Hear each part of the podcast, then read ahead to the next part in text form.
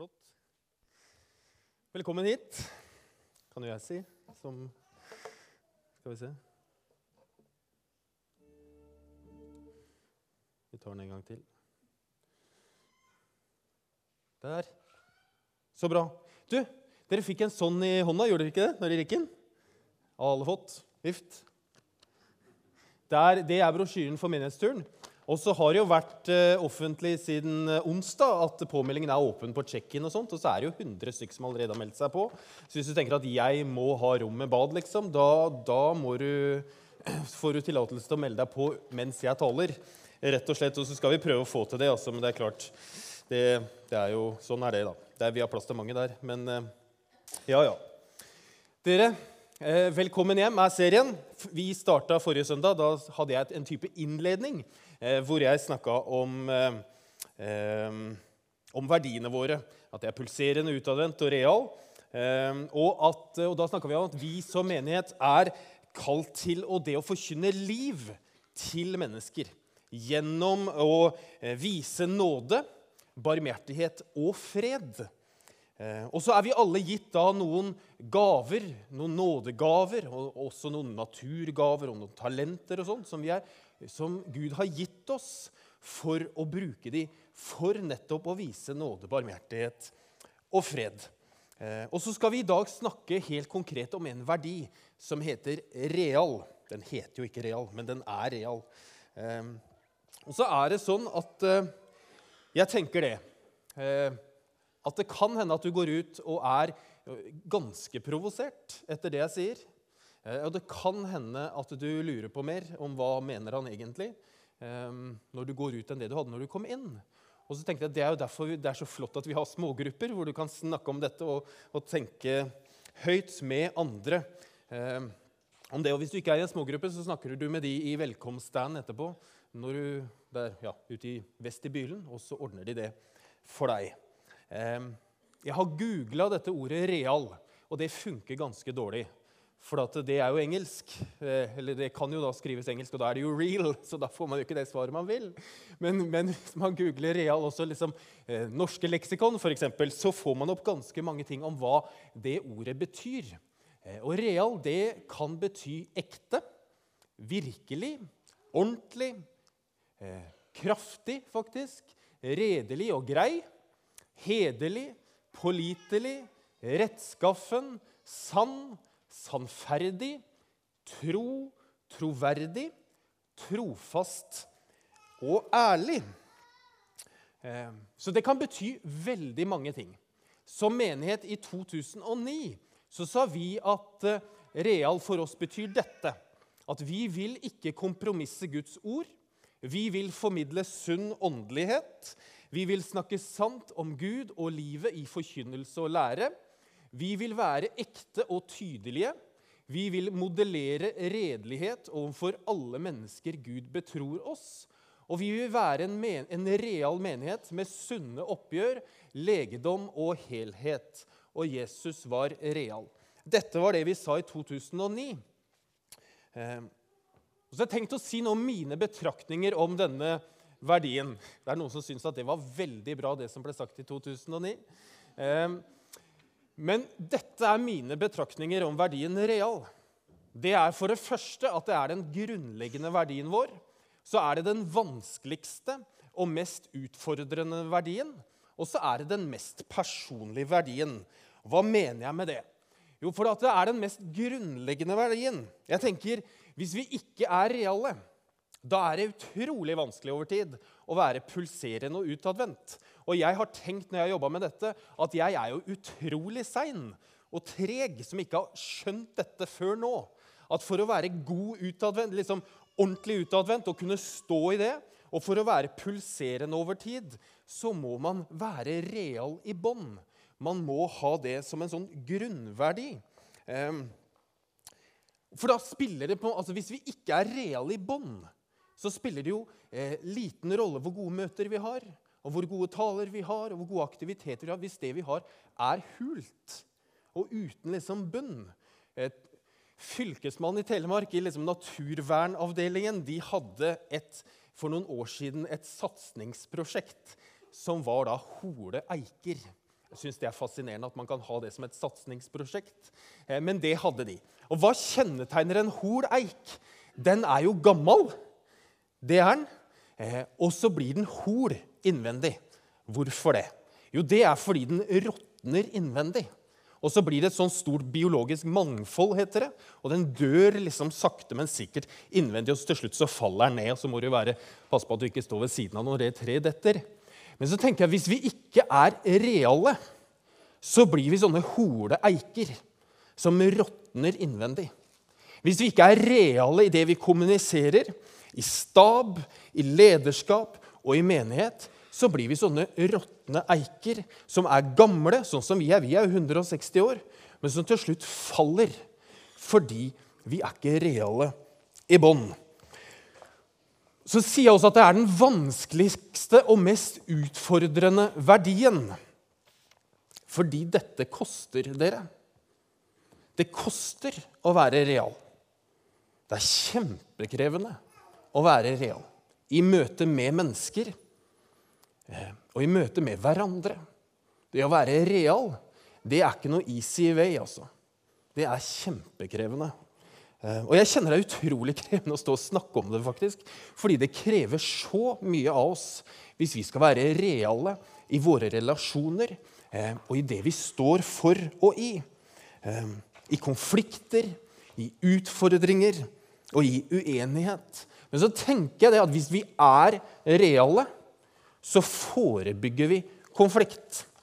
Hvis vi er reale oss imellom, så, vet, så går jeg til deg og så sier Hva mente du nå, egentlig? For nå himla du med øynene, eller du, du, liksom, du sendte den, liksom, det stikket tilbake. Så lurer jeg Hva mente du egentlig? Eh, og så kan vi ha en samtale om det. sånn, Hva mente du nå, egentlig? Men det krever mye av oss. Eh, og så gjør det da, Hvis vi er reale med hverandre og sier hva vi faktisk mener, og det er jeg uenig med deg i, så er det jo mye lettere å håndtere eh, uenighet. Og så tror jeg også det at hvis vi er reale, så, vi, så kommer vi nærmere hverandre som mennesker. Eh, fordi det gjør oss tryggere. Fordi jeg vet da hva du mener. Jeg vet hva du står for. Jeg vet hva du tenker om dette.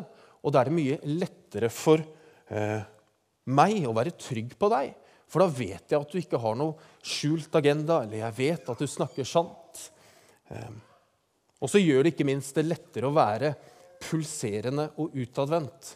Fordi vi kan være trygge på oss selv, de vi står med, og de vi er rundt. Og så er den mest personlige verdien for meg. Det kan godt hende at en av de andre er for deg. Men dette er den mest personlige verdien for meg. Fordi den holder jeg meg fast i når livet mitt er vanskelig. Den tviholder jeg på når det er kjempekrevende. Fordi jeg vil være real i møte med mennesker og i møte med meg selv.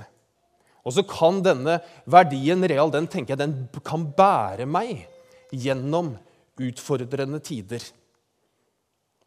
Og så tenker jeg at i de utfordringer vi står i, eller du står i på arbeidsplass eller hjemme, eller hvor når du er, eller hvor du er hen, så kan det å holde en verdi som real høyt opp eh, være livsreddende, faktisk. Ja. Jeg tror det holder som en sånn innledning. Eh, jeg har tenkt at vi skal ta utgangspunkt i et brev som står i 1. Timoteus 6, Eh, vers 17-20. Og så Når du ser hva som står der, så tenker du er det relevant liksom, for, for, verdien real. Og så kan vi se om det er det. da. Det er jo ikke sikkert.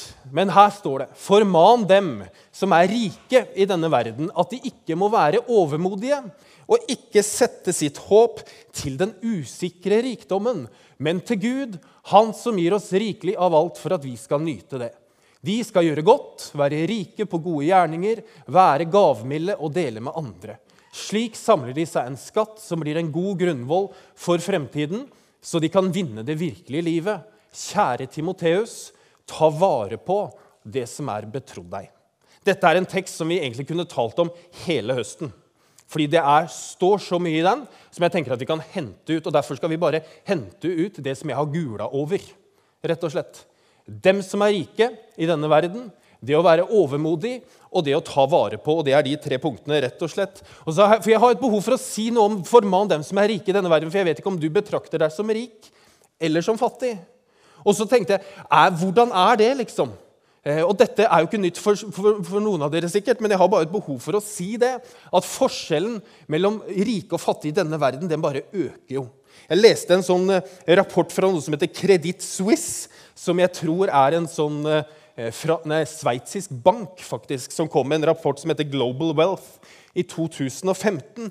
Og de sa det at for første gang så eier nå 1 av verdens befolkning de eier 50% av verdens verdier. Det høres jo helt vilt ut at 1 av verdens befolkning eier 50% av verdens verdier. Og så er det jo kjempeflott at det ikke gjelder oss nordmenn. For vi er jo faktisk bare 310 000 som er innenfor den prosenten.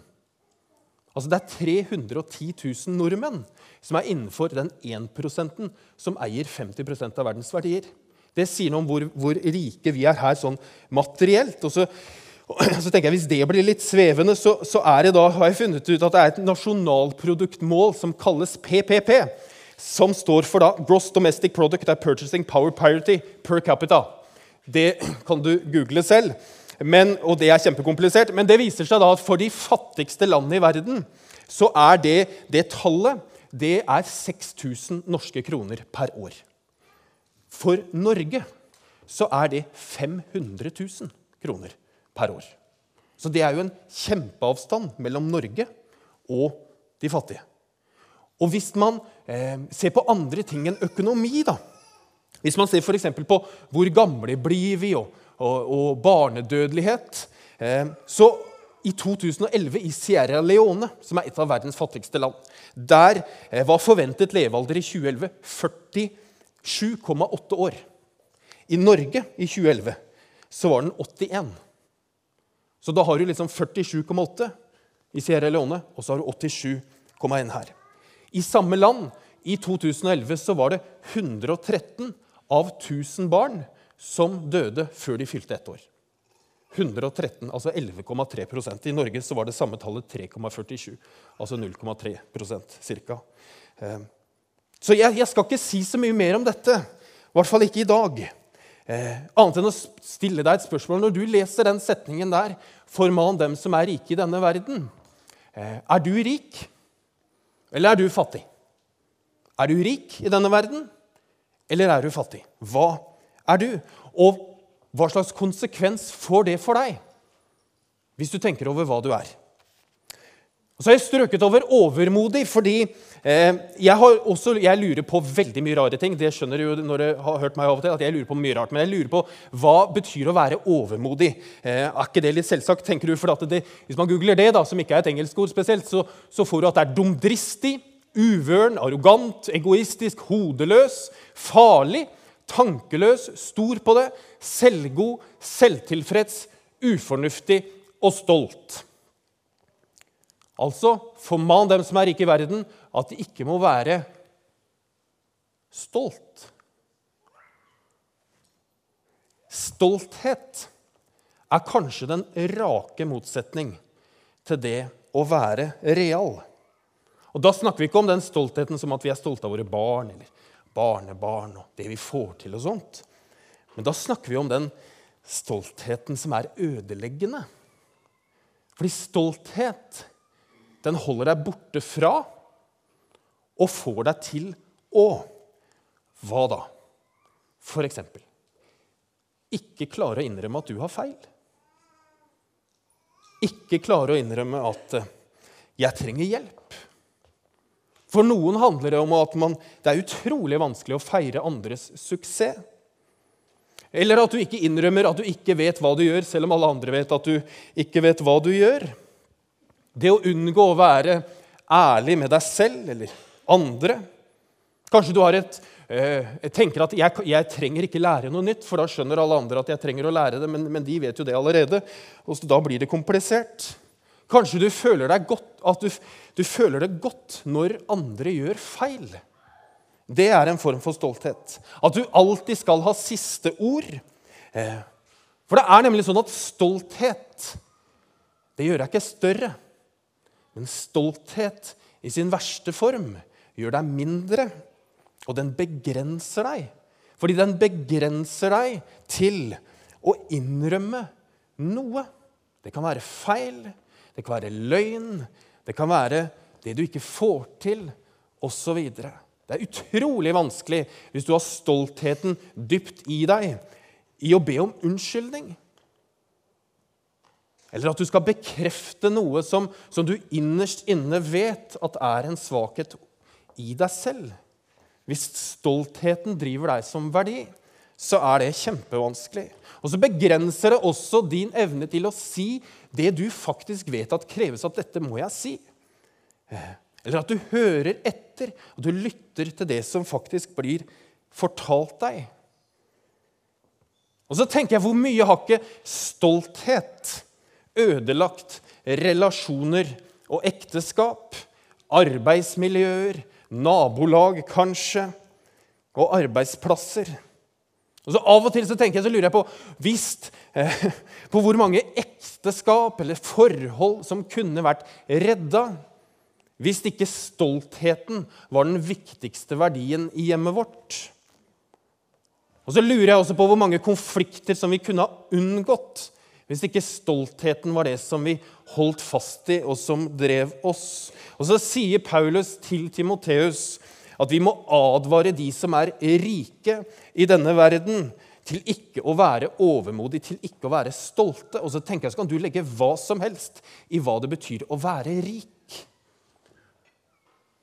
Men han advarer oss mot det. Hvorfor det? Jo, fordi stolthet i denne ødeleggende formen den kan medføre at du mister alt. Og så lurer jeg på hvor sitter din stolthet hen? Hvor er liksom din prestisje? Hva holder du fast i? Hva gjemmer du deg bak, kanskje? Eh, hvilke områder i livet ditt er kun, liksom, det er kun mine? Der kommer ingen andre inn. Hvilke områder holder du privat for partneren din? Eller hvilke er du livredd for skal bli avslørt, som du sitter og tenker på nå? bare han ikke nevner det som eksempel. Liksom. Hva blir du alltid svett av å høre på? Og stoltheten kan medføre at vi ikke søker hjelp til våre utfordringer før det er for seint. Det er jo noen ting som kommer for seint, som gjør at skaden faktisk skjer. Når det blir avslørt, og når du mister ansikt, når det er for seint å rette opp, så får jo vi tilgivelse av Gud og kan få tilgivelse av andre mennesker, men likevel så er det noe som blir ødelagt.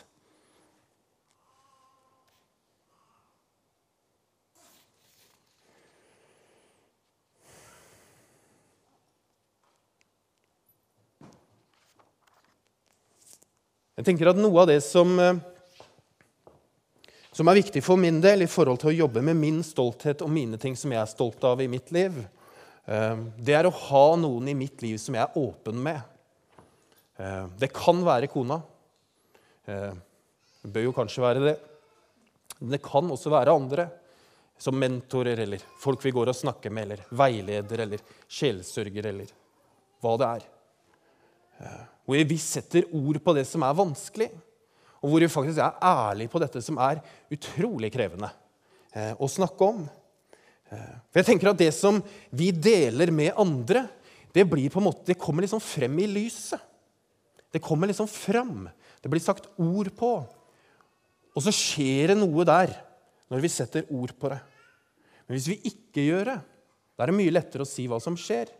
For da holder vi det inni oss, og så begynner det å styre oss mer, kontrollere oss mer, og så blir vi mer paranoid for det, og så tenker vi mer og mer på det. Eh, og så til slutt så styrer det hele livet vårt fordi vi beholder det i mørket. Det er ikke hyggelig å være her i dag på andre, andre uka, liksom. Så her, herfra kan det bare gå oppover. Eh, Paulus skriver, 'Kjære Timoteus, ta vare på det som er betrodd deg.'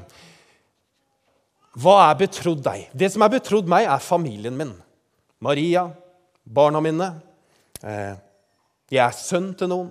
Jeg er onkel også, faktisk. Jeg er eh, bror og svoger og svigersønn. Og så har jeg mange andre relasjoner, noen venner og kolleger. og jeg har skrevet 'fritidsfolk' i manus. Jeg vet ikke helt hva jeg tenkte når jeg skrev det.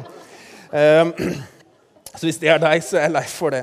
Um, så har jeg jo et hjem med noen hus og eiendeler, kanskje. Et par ting.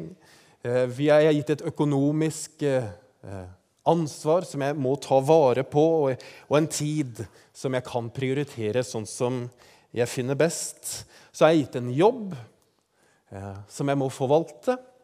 Eh, og så har vi alle gitt et oppdrag, det sa jeg sist søndag, eh, i forhold til det med å forkynne liv og nåde og barmhjertighet og fred og gjøre Jesus synlig og, og sånt. Um, hva betyr å ta vare på? Salomo, som, er, som har skrevet Salomos ordspråk, han bruker begrepet 'ta vare på' på flere vis. Han skriver Eh, det står I Gamle Testamentet så skriver han Min sønn, eh, glem ikke min rettledning, ta vare på mine bud i hjertet. Min sønn, ta vare på klokskap og omtanke, slipp dem ikke av syne. Hold fast ved formaningen, slipp den ikke, ta vare på den, for den er ditt liv. Hold fast på budene, så skal du leve. Ta vare på min rettledning som din øyensten. Han snakker mye om det med rettledning, det å lytte til Guds bud, klokskap og omtanke, formaning, bud og rettledning.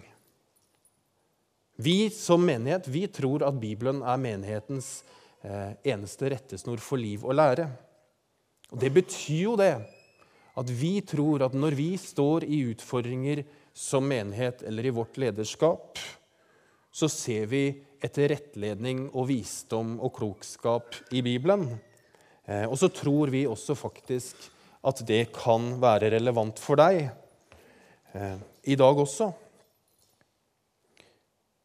Overskriften er real.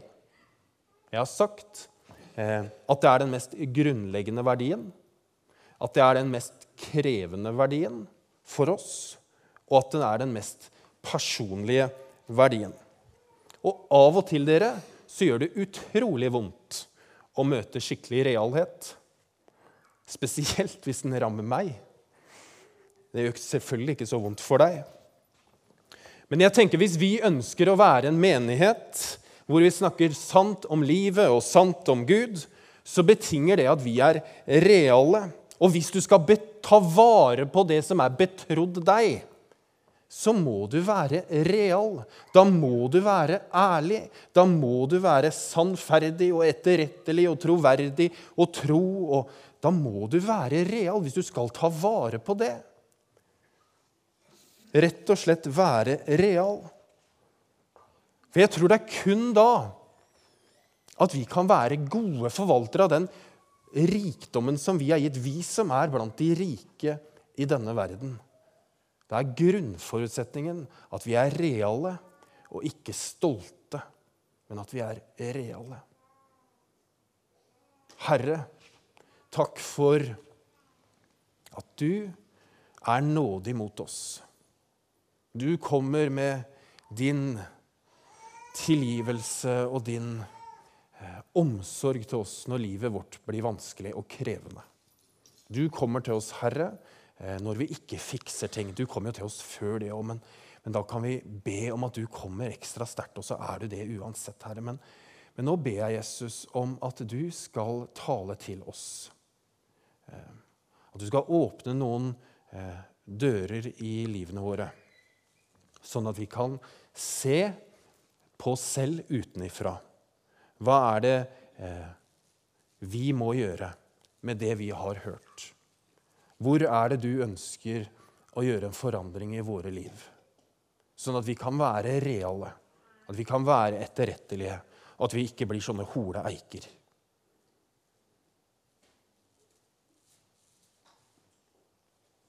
I Jesu navn. Amen. Nå skal vi synge noen sanger sammen. Eh, vi er glad i å synge, eh, så vi gjør det. Og mens vi gjør det, så kan du tenne et lys, eller du kan skrive en bønnelapp. Du kan sitte, eller du kan stå. Eh, og du kan bli bedt for nede i høyre hjørne. Og så tenker jeg at Det som eh, vi har snakka om nå, det kan sette noen ting i sving hos deg som gjør at du kjenner at å, nå, har jeg lyst nå, kjenner jeg bare å få en, en eh, ekstra velsignelse. Jeg trenger at noen legger hånd på meg eller ber for meg. Eller. Og da er det nede i høyre hjørne, så gjør vi det gjerne for deg. Skal vi reise oss først, så kan du heller sette deg når du føler for det. Mm?